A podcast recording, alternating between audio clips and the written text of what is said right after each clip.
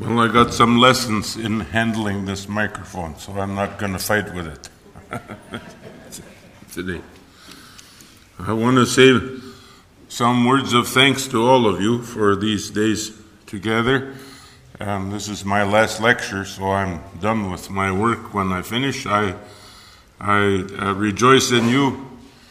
I look forward to this each year, and I go home with my heart full of thanks some of you have become dear, dear friends.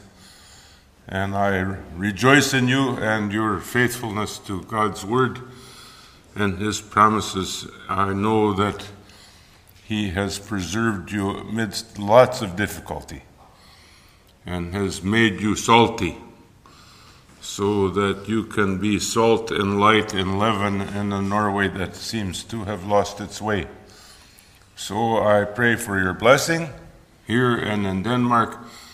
And I pray that God will grant you his peace so that you can continue faithfully in the mission that he has given you. Grace to you and peace from God our Father and the Lord Jesus Christ. Amen. Let us pray.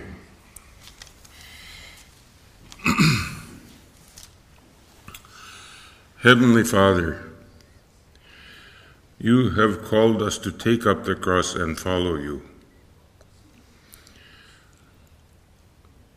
If you seek this from us, we pray that you yourself will place the cross upon us, so that we will not deceive ourselves or be deceived by the evil one, but might bear what you have given and serve as you have called.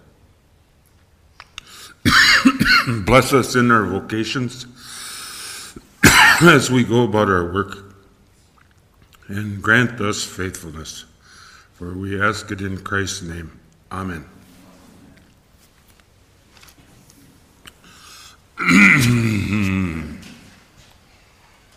so I ate a peanut before I started. Now it's. I'm not fighting with the microphone, but the peanut is after me. I'm, I'm okay. Yeah, that's good. Uh, Karl Barth, uh, the great Calvinist theologian, once called preaching words in search of the word. One of the characteristics of the gospel is that for all of its spillage, for all of its quality of overwhelming and overtaking us, it can sometimes become very elusive. You have experienced this undoubtedly. Of being in circumstances or a situation where you have the sense that the gospel is demanded of you.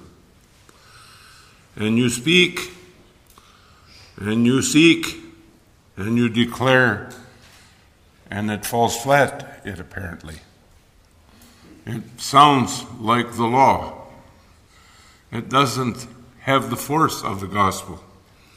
This is the most frustrating thing about the ministry. Pastors, above all, should be quick with the gospel. It should be on the tip of our tongue, and often enough it is. But sometimes we have the opposite experience of seeking it, of looking for it, and not finding it, or apparently.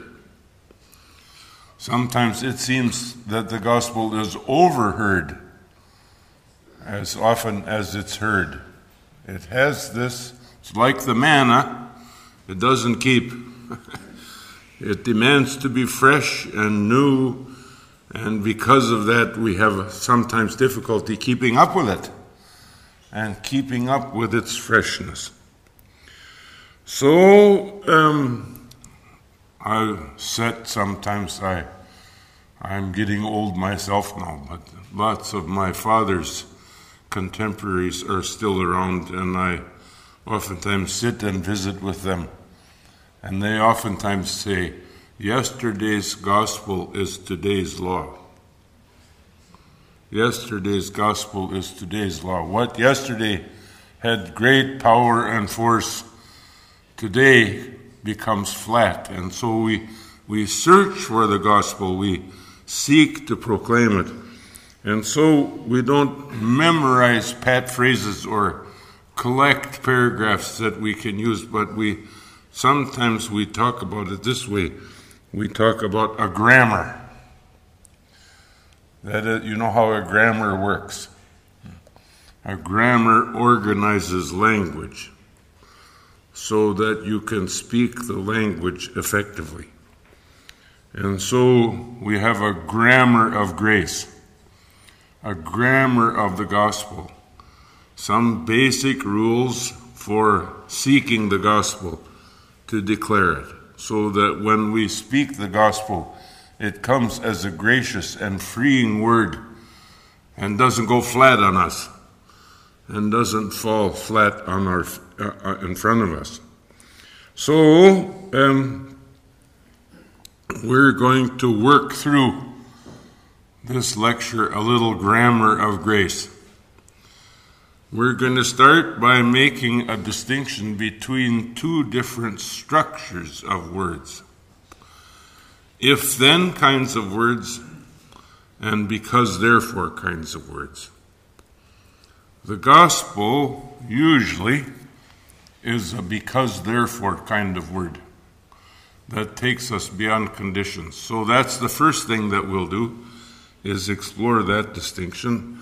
It's a form of the distinction between law and gospel, a little simpler though.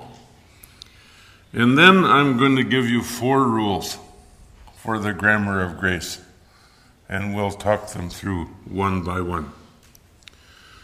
First of all, two different grammatical constructions. The first one is an if then kind of statement. This is the most common use of language in the state and in the church. Um, the if describes a condition that has to be fulfilled, and the then if then describes the reward or the consequence or the benefit from filling the condition. This is the first language that many children know, learn. If you want your dessert, then you have to eat your vegetables. My oldest son was uh, like lots of older children, he was feisty and rebellious. I was teaching him to eat peas. And I had mashed the peas with the fork and I piled them up on the fork. And I, he decided that he was not going to join the pea eaters. He had no interest in peas. And so I held up the peas to his mouth. He clamped his mouth shut. I said, Jake or Andrew, you have to eat your peas. He clamped it more tightly. Finally, he started to cry and he opened his mouth. and I, I cheated. Stuck a load in and dropped it on his tongue. Huh? He screamed and screamed. The piece didn't move. His little tongue held them in place. He didn't swallow a bit. And finally, he had when he had won his victory, I removed the peas, and he spit out this word My want to do what my can do. Hmm? That's the slogan of the old Adam. I want to do what I can. Huh? So here, my little sinner proved huh, his legacy. Huh? There it was, right in front of me. Um, if then, if you do this, then you will get that. And so you know all kinds of words like this. If you want to exercise the rights of citizenship, you must pay your taxes. If you want to go to the doctor, hmm, you have to uh, keep up your health care. If you want to pass a grade in school, you must do your assignments. There are whole mountains of if then statements that we negotiate our way through each day.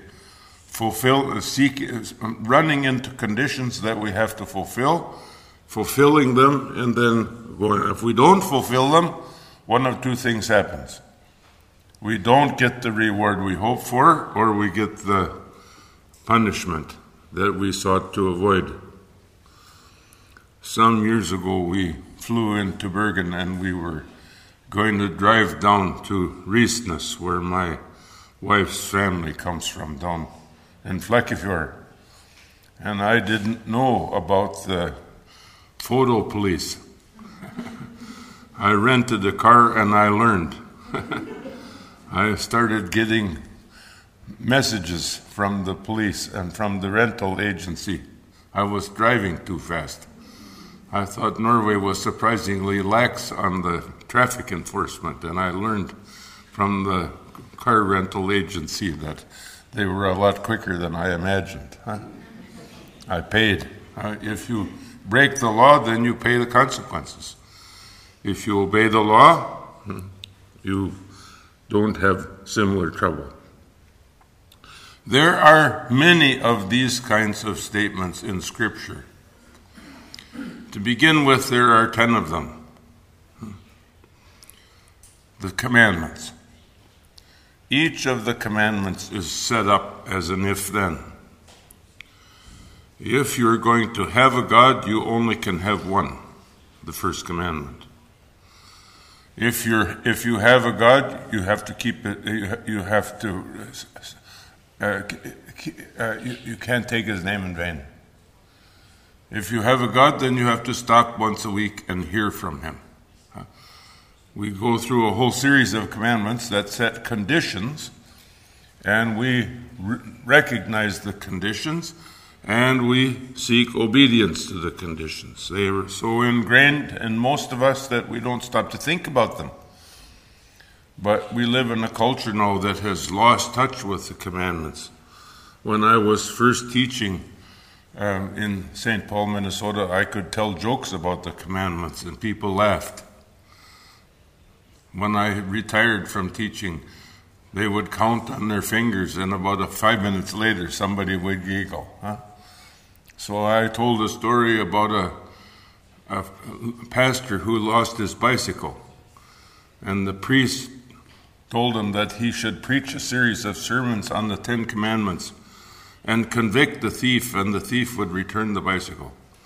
So he preached, and he, he, he came back and he was riding the bicycle, and the priest said, I told you it would work. And he said, Well, it worked a little differently than you thought. He said, I I got to the sixth commandment and I remembered where I had left my bicycle.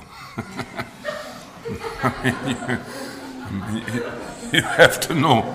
You have to know the commandments to get the joke.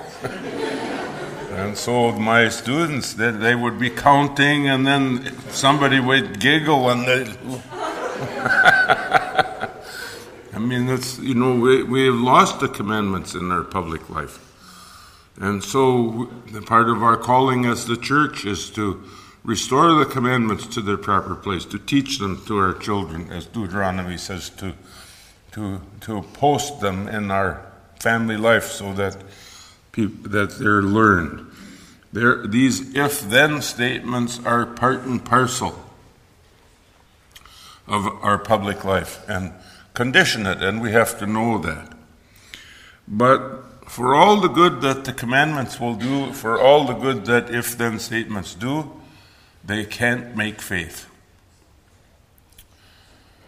If then statements will not make faith. If then statements will state the condition, hmm, and if you study it carefully and apply yourself, you've got a good chance of keeping the condition. But the problem with if then statements is that they make you watch yourself instead of your neighbor. You see? You watch the commandment instead of your neighbor and start measuring yourself against the commandment instead of helping the neighbor. It's like going to a movie and say, Are we having fun yet? That's usually a pretty good sign that you're not paying attention to the movie and that the movie is a bad one, huh? This time of year, we're.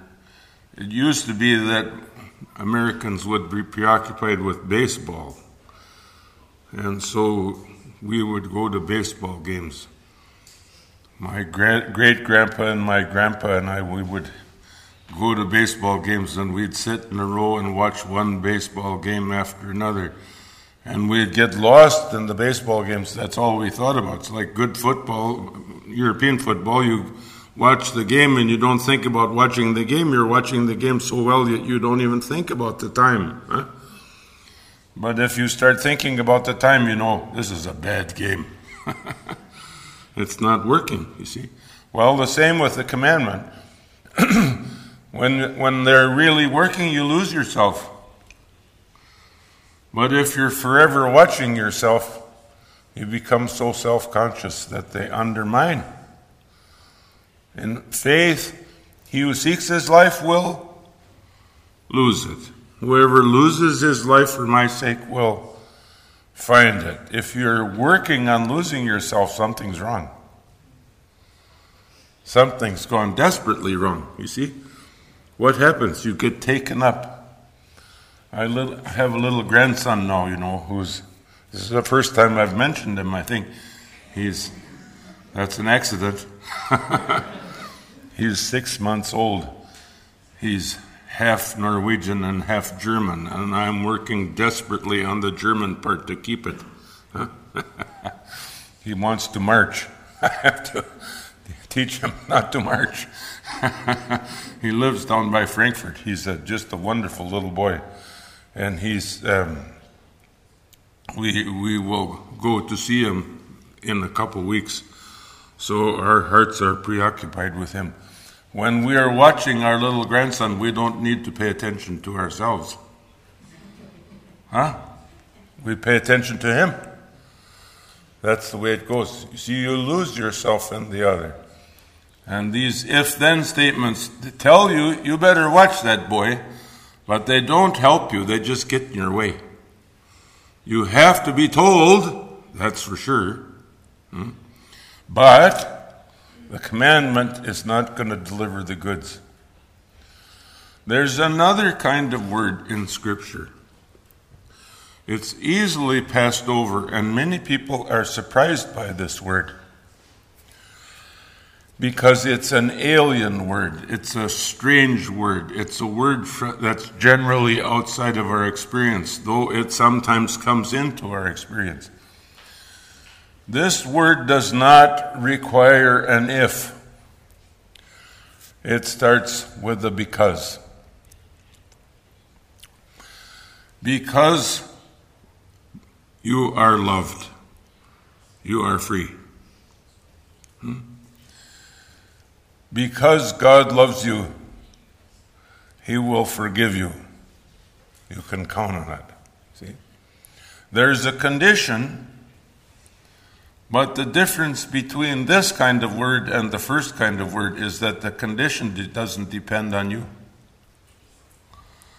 The condition is established by the one who cares for you. Because God loves you, you are free. The deepest words in human life are because therefore kinds of words. If then kind of words cast you back on yourself you look at yourself and say, Am I doing that? Will I ever do that? Hmm? I hope and pray that I do do that. Because, therefore, words focus your attention on the other. Hmm? Hmm? They focus your attention on the other. Listen to the second beatitude. Blessed are the poor in spirit. Hmm? Blessed are the poor in spirit, for they shall see God. That's a because therefore kind of statement. Jesus is not telling you that you ought to go out and become poor in spirit, that you should work on achieving poverty of spirit, and when you have become poor in spirit, you'll be blessed. No, he's saying something entirely different. He's making a promise to you. Uh, sometimes, in very special circumstances, I've preached on this proverb or this beatitude at the funeral of suicides. There is no more desperate poverty of spirit than to begin to think of death as a friend. Hmm? There is no worse suffering than to think that the only way I can be released from this suffering is to kill myself. And I have been at funerals where this, this word has been the only word that has helped because Christ Jesus himself is coming to minister to the poor in spirit. He's not saying you should become rich. You should work on your poverty and overcome it. If only you. No, no, no, no. He's saying, Blessed are you, blessed are you. You can go through each of the Beatitudes this way. Because He blesses you, He makes the situation right. He takes responsibility, He takes authority, and He provides the blessing. You see? Because, therefore. Because I love you, therefore I bless you. It's out of your hands. Hmm? So here's a blessing that you have received re- recently. This is my body given for you. This is the New Testament in my blood shed for you. What is that? That's not a law. It doesn't tell you to go and do something. It doesn't scold you for not having accomplished something. It blesses you. Hmm? It bless, you are blessed. You are being given hmm?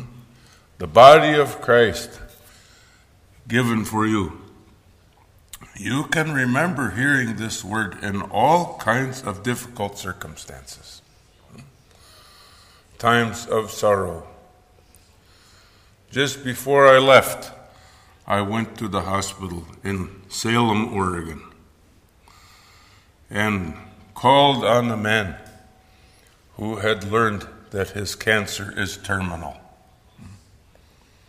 I brought along a communion kit that was given to me by the first pastor that serves the congregation. He was a chaplain during the Second World War. And he carried that communion kit through the Second World War and through his whole ministry. And when he came to the end of his ministry, he gave it to me. And so I carry it with me in the car. And when my pastor can't keep up with the whole congregation, he sends me to the older people, my pastor in Oregon. And so I heard that my friend had had this bad word, and I went to the hospital with him, and I took that old communion kit and I dipped the wafer in the wine and I put it on his tongue and I said, The body and blood of Christ given and shed for you. That's pure promise. That's the gospel word. Hmm? That's the gospel word. The gospel word doesn't say if then. Moses likes to say if then. He's just full of if thens. If you let Moses loose, he'll just keep multiplying ifs and thens until he's tried to, he's got the whole world wrapped up in string. Huh? But when Christ begins to speak, what does he say? Because therefore, because I love you. So we know this about the gospel word. There might be times and circumstances where a command might actually be freeing. Huh? Sometimes when I scolded my kids, my boys, I had three feisty boys. Sometimes when I had to punish them, I would say afterwards, Would you mind going over to the grocery store and picking up a loaf of bread? Hmm? Then they would run joyfully. the command was freeing. They knew they were trusted once more. But most of the time, if I said, Would you go get some bread? I'll think about it. Hmm? Huh? You see, that's how commands work. Most of the time, practically always, the gospel is going to be a because therefore. Christ takes hold of it, and he fulfills the condition, and you benefit. you get the result. That happened in your baptism, that happens in the Lord's Supper, it happens, it's hap- it happens in the pro- proclamation of the word. And you know these kinds of words because when you hear these kinds of words, you say, Good. I'll take that. I love it. Hmm? Huh? There you receive the benefit. So we can say this about the grammar of the gospel. Generally, it's going to be a because therefore kind of statement. Because Christ loves you, therefore your sin is forgiven. Because Christ loves you, he's going to raise you from the dead. Because Christ loves you, nothing can separate you from the love of God in Christ Jesus your Lord. See, there's the gospel word is generally going to have that kind of structure. So when you go to call on a sick friend, when you visit somebody in trouble, when you bring a word of comfort and release, you can begin there. You can say, At least I'm not going to give commands. You can say this much I'm going to give promises. Because in promises, you're speaking Christ's word and you can depend on Him to fulfill them. So that's a little bit of a start. Can we go any further with this? I'm going to suggest four rules for the grammar of the gospel. Four rules for speaking the gospel word. Um, these are not rules which are ready made, where you fill in the blanks and it works. We're, we're fishing. Huh? I mean, when, when you're fishing, you don't dump the tackle box on the lake and go home and say, well, they weren't biting. Huh? You try here and you try there, and this is the, the lovely part about being a witness. You get to try different words, and finally, one that uh, one of those words sticks. You see. So, four rules. First of all, when the gospel word is spoken, Christ Jesus is the subject of the verbs. Christ Jesus is the actor. Christ Jesus is the one who is working. One of the assignments I used to give to my students was to go through the Gospel of Mark and underline the subject in each sentence and the verb in each sentence. So you underline the, sent- the subject once, and you underline the verb twice, and then you spread out the direct objects and so on and so forth. By the time they had gotten through the first chapter or the second chapter of Mark, the students would always say the same thing I see what you mean. Because when you read the Gospel of Mark, you notice almost right away Christ is the subject of almost every verb. If he's not the subject of the verb, it's because somebody is going to help him become the subject of the verb pretty soon. Huh? So, for instance, in the Gospel of Luke or the Gospel of uh, John, when he tells the servants to fill the six stone water jars, well, they do something, all right. They fill the jars, but you all know what's going to happen afterwards. Jesus is going to turn water into wine. And it won't be because those guys were applied themselves successfully in filling the stone water jars. It will be because he's so gracious that he can't quit. He spills himself. Huh? He gives himself. And so he bestows himself. So it's rare that he's not the subject of the verb. In the preaching of the gospel, he is invariably the subject. He is the one who's working. So when you go to the when you go to speak the gospel to someone, you don't say something like this. Well, if you're good, you've got a fighting chance he might show up and help you. What's happened? You've become the subject of the verb. Huh? And Christ Jesus is something like Alfred Hitchcock in one of his own movies. He's, he's a dim presence in the background that you might catch if you look closely. Huh? Lots of preaching like is like this. The preacher reads the text and right away starts talking about your behavior. Christ disappears. Hmm? I've had uh, the joy of having two wonderful pastors. One is with us. Um, this never happens with them, but it happens when we visit around a little bit. I, Carolyn and I go to some church when we're traveling someplace and we sit down and the preacher reads the text and he st- stands up and starts in on us about our behavior. And then I can feel Carolyn's arm starts to move and she's her hand is hovering over my knee and I know the clamp is going to start.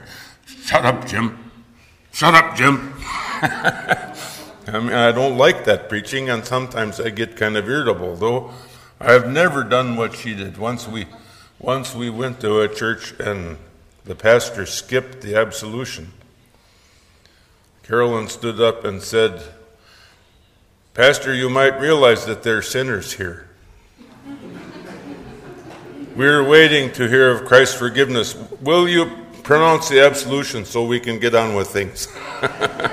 I was so proud of her. I thought, I mean, this is a true Christian wife, huh? She she was out there to get the absolution. This is a great thing. Huh? So, um, when the subject changes, when Christ Jesus is no longer the subject, and you or the church or the bishop or the pastor or the church council, when, uh, when the subject changes, you're in trouble. Because when the subject changes, it's no longer Christ who's working in this word, it's somebody else. And then good luck. Because you don't know for sure anymore. We can only be certain if Christ Jesus is the worker. When Christ Jesus is the worker, he will never fail us.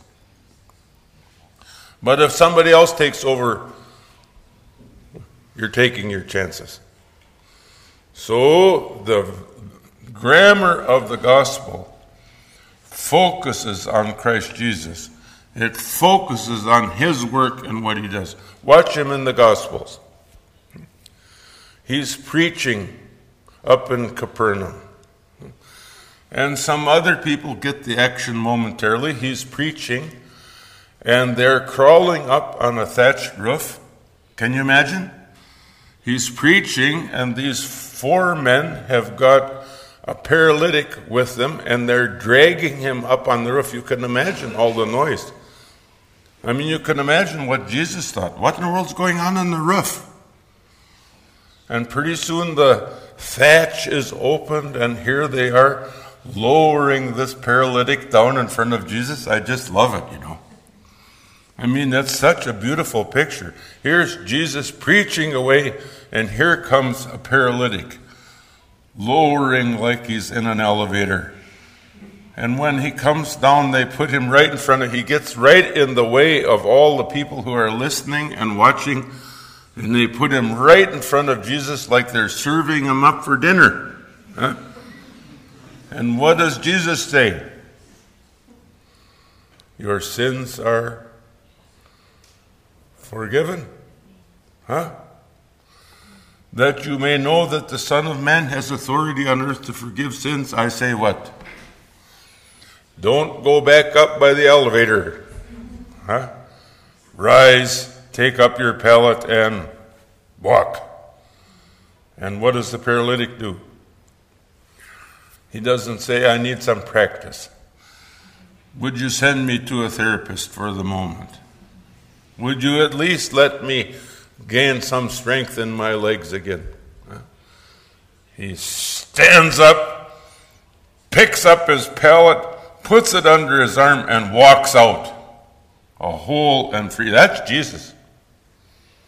That's Jesus. He's the worker. He is doing and accomplishing and being.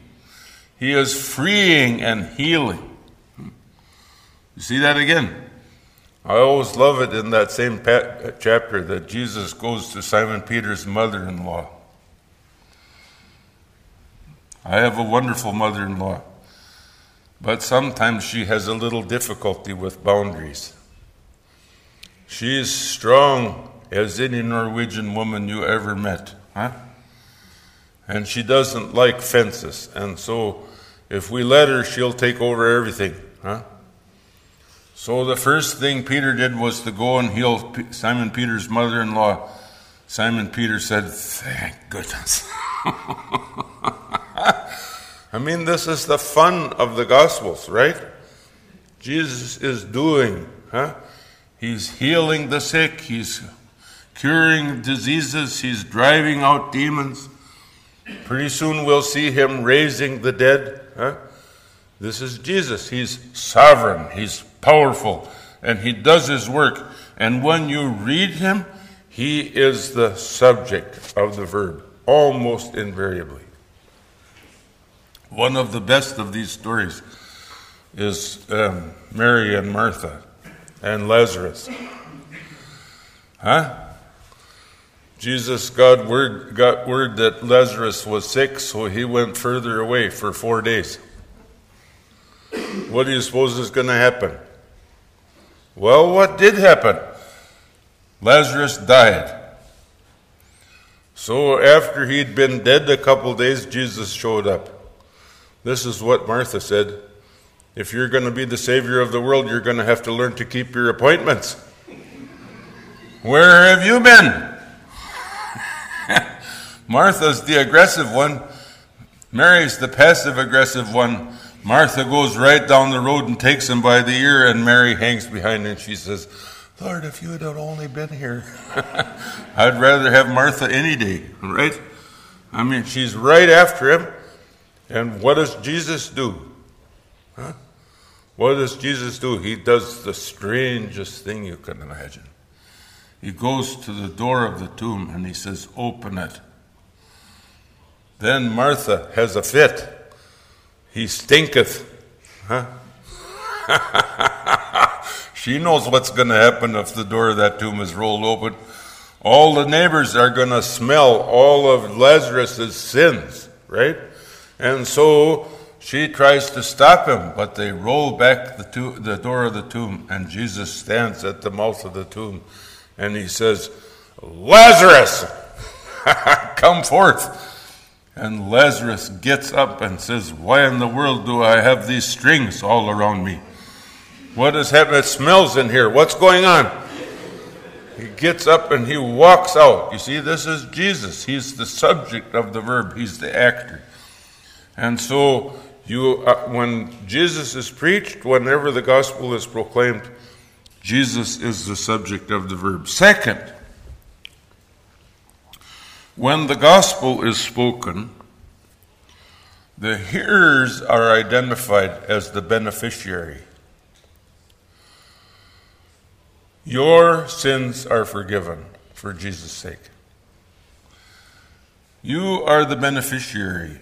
You are identified as the one who benefits. So, in the story of Lazarus, Lazarus is the beneficiary along with his sisters, huh? Mary and Martha. They're identified as the ones benefiting from Jesus' Son. Jesus' words have a name and address, they are for you. And so when the gospel is preached, you're identified as one who's getting something from him. Hmm? So when the gospel is proclaimed, huh, you can you say it directly and you identify it. Who is it? The state of Oregon, where I live in the summer, has got a close correspondence with the state of Alaska. Lots of people come down from Alaska. We had a woman in our congregation who had come down from Alaska. She was a tough old woman. I just loved her. She had a stroke. It was a big stroke. Just about killed her. She was sitting in the in the in a wheelchair in the emergency room. I was called and I was sent to the hospital. I got there as fast as I could. I said to her when I saw her, Christ Jesus has been preparing a place for you, and it looks to me like it's just about ready. She said one word. She said, Good. That's the last word she ever spoke. At her funeral, the whole congregation kept saying over and over again, Good! you see, she's, she was the beneficiary. She knew herself to be a beneficiary. Christ Jesus is preparing a place for whom? For you. For you and you and you. This is what he does. He gives his benefits to you. So, when the gospel word is spoken, you know who it's addressed to. It's always addressed to you. It's always addressed to specific people. It's handed over. So when you're speaking to a sinner, you, you don't say something like this Well, Jesus likes sinners, and I think you can take your chances on him. What do you say? Your sins are forgiven for Jesus' sake. Huh? There's a big difference. The address, the addressee is named. Thirdly, since Christ Jesus is the actor in the gospel, when the gospel word is spoken, it can be spoken, it should be, it is always spoken unconditionally. There are no ifs, ands, or buts in the gospel. There are no implied conditions in the gospel. When the gospel is spoken, the gospel says this Your sins, what? Are forgiven. When the gospel is spoken, it says this You are being raised from the dead. You will be raised from the dead. When the gospel is spoken, what does it say? Nothing shall separate you from the love of God in Christ Jesus. Not, uh, not angels, not powers, not principalities, nothing. Hmm? When I, I went through a period of great difficulty in my life some years ago, and every night I prayed Luther's evening prayer. I began the day with the morning prayer, and I closed every night with the evening prayer. Every evening, this is what I said at the end of the prayer Let your holy angels have charge of me, that the wicked one have no power over me. Let your holy angels have charge of me, that the wicked one have no power over me. I was teaching out on the West Coast and living by myself. That's a bad time to have that kind of trouble when you're by yourself. Sometimes I would call Carolyn and I would say, You have to pray this with me. And we would say together, Let the holy angels have charge of us, that the wicked one have no power over us. You see? Here you go.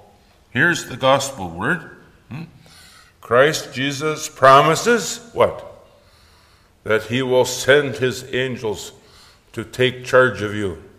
Because if you're left in charge of yourself, you're in big trouble. Because if you're left alone with your thoughts, the tempter will overwhelm you.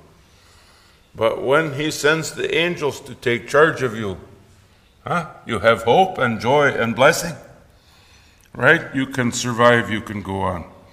So, because Christ is the speaker, it's dead certain. Because Christ is the speaker, you can count on it. Because Christ is the speaker, there's no possibility of failure. Because Christ is the speaker, you can be sure of this that the job will be done. He is not short handed that he cannot save. He doesn't do 75% and say, well, you should learn a little bit about this. I'll give you the last 25. He never goes part way, part way. He always goes all the way.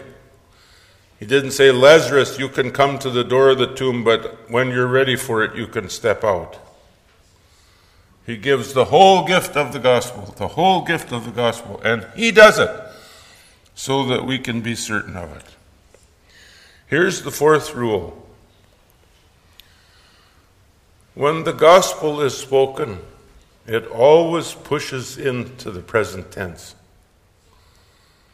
The gospel never says your sins will be forgiven.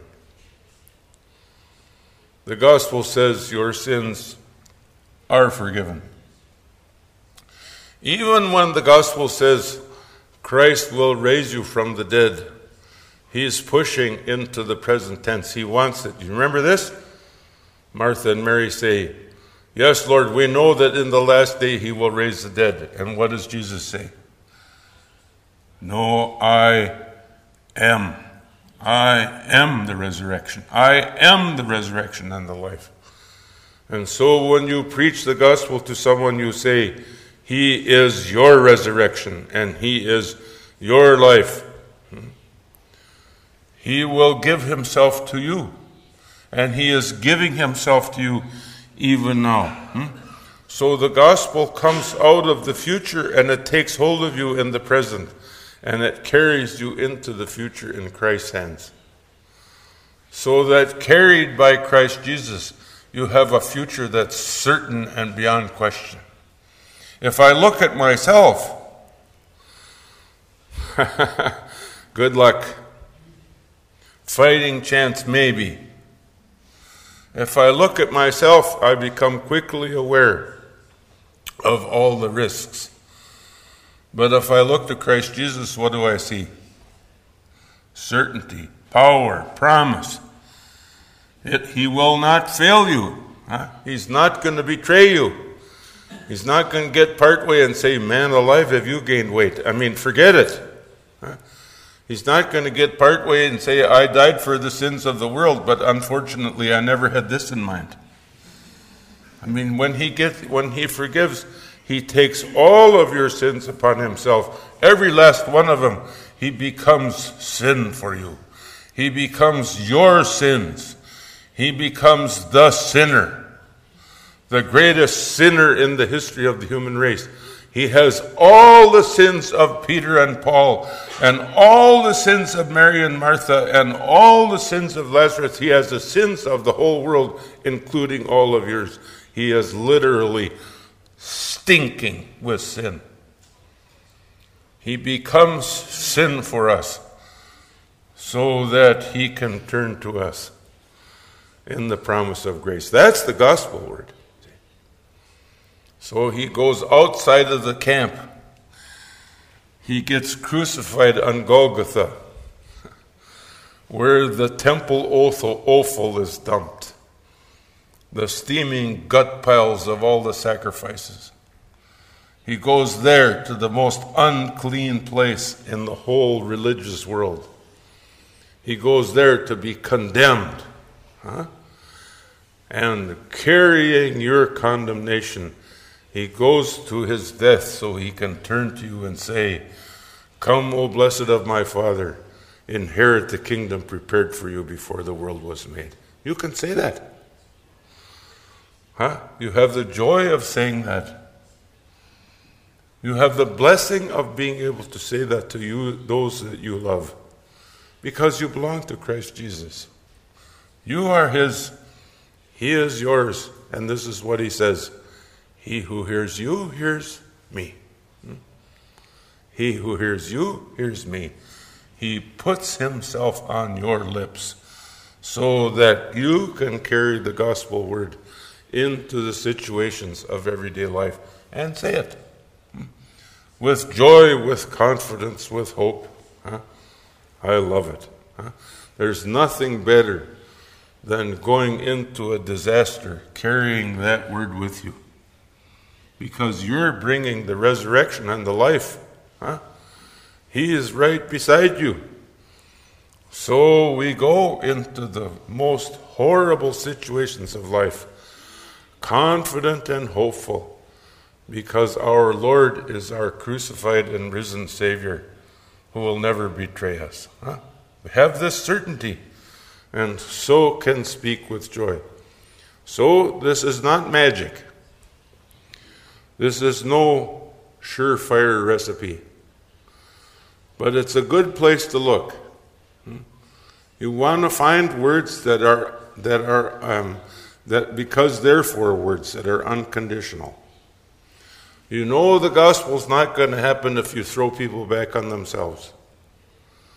You know that the word is the purpose of this word is to bring people out of themselves and bring them to rest in Christ. And these four little grammatical rules at least can help you stay focused. Christ is the subject of the word, of the, of the, of the verbs. He is the one acting. The hearer in front of you is the, is the direct object, the one who benefits from this word. Because Christ is the speaker of this word, you can say it unconditionally. And because Christ is the speaker of the word, he is coming out of the future into the present to do the gospel right now. Okay? Thank you very much.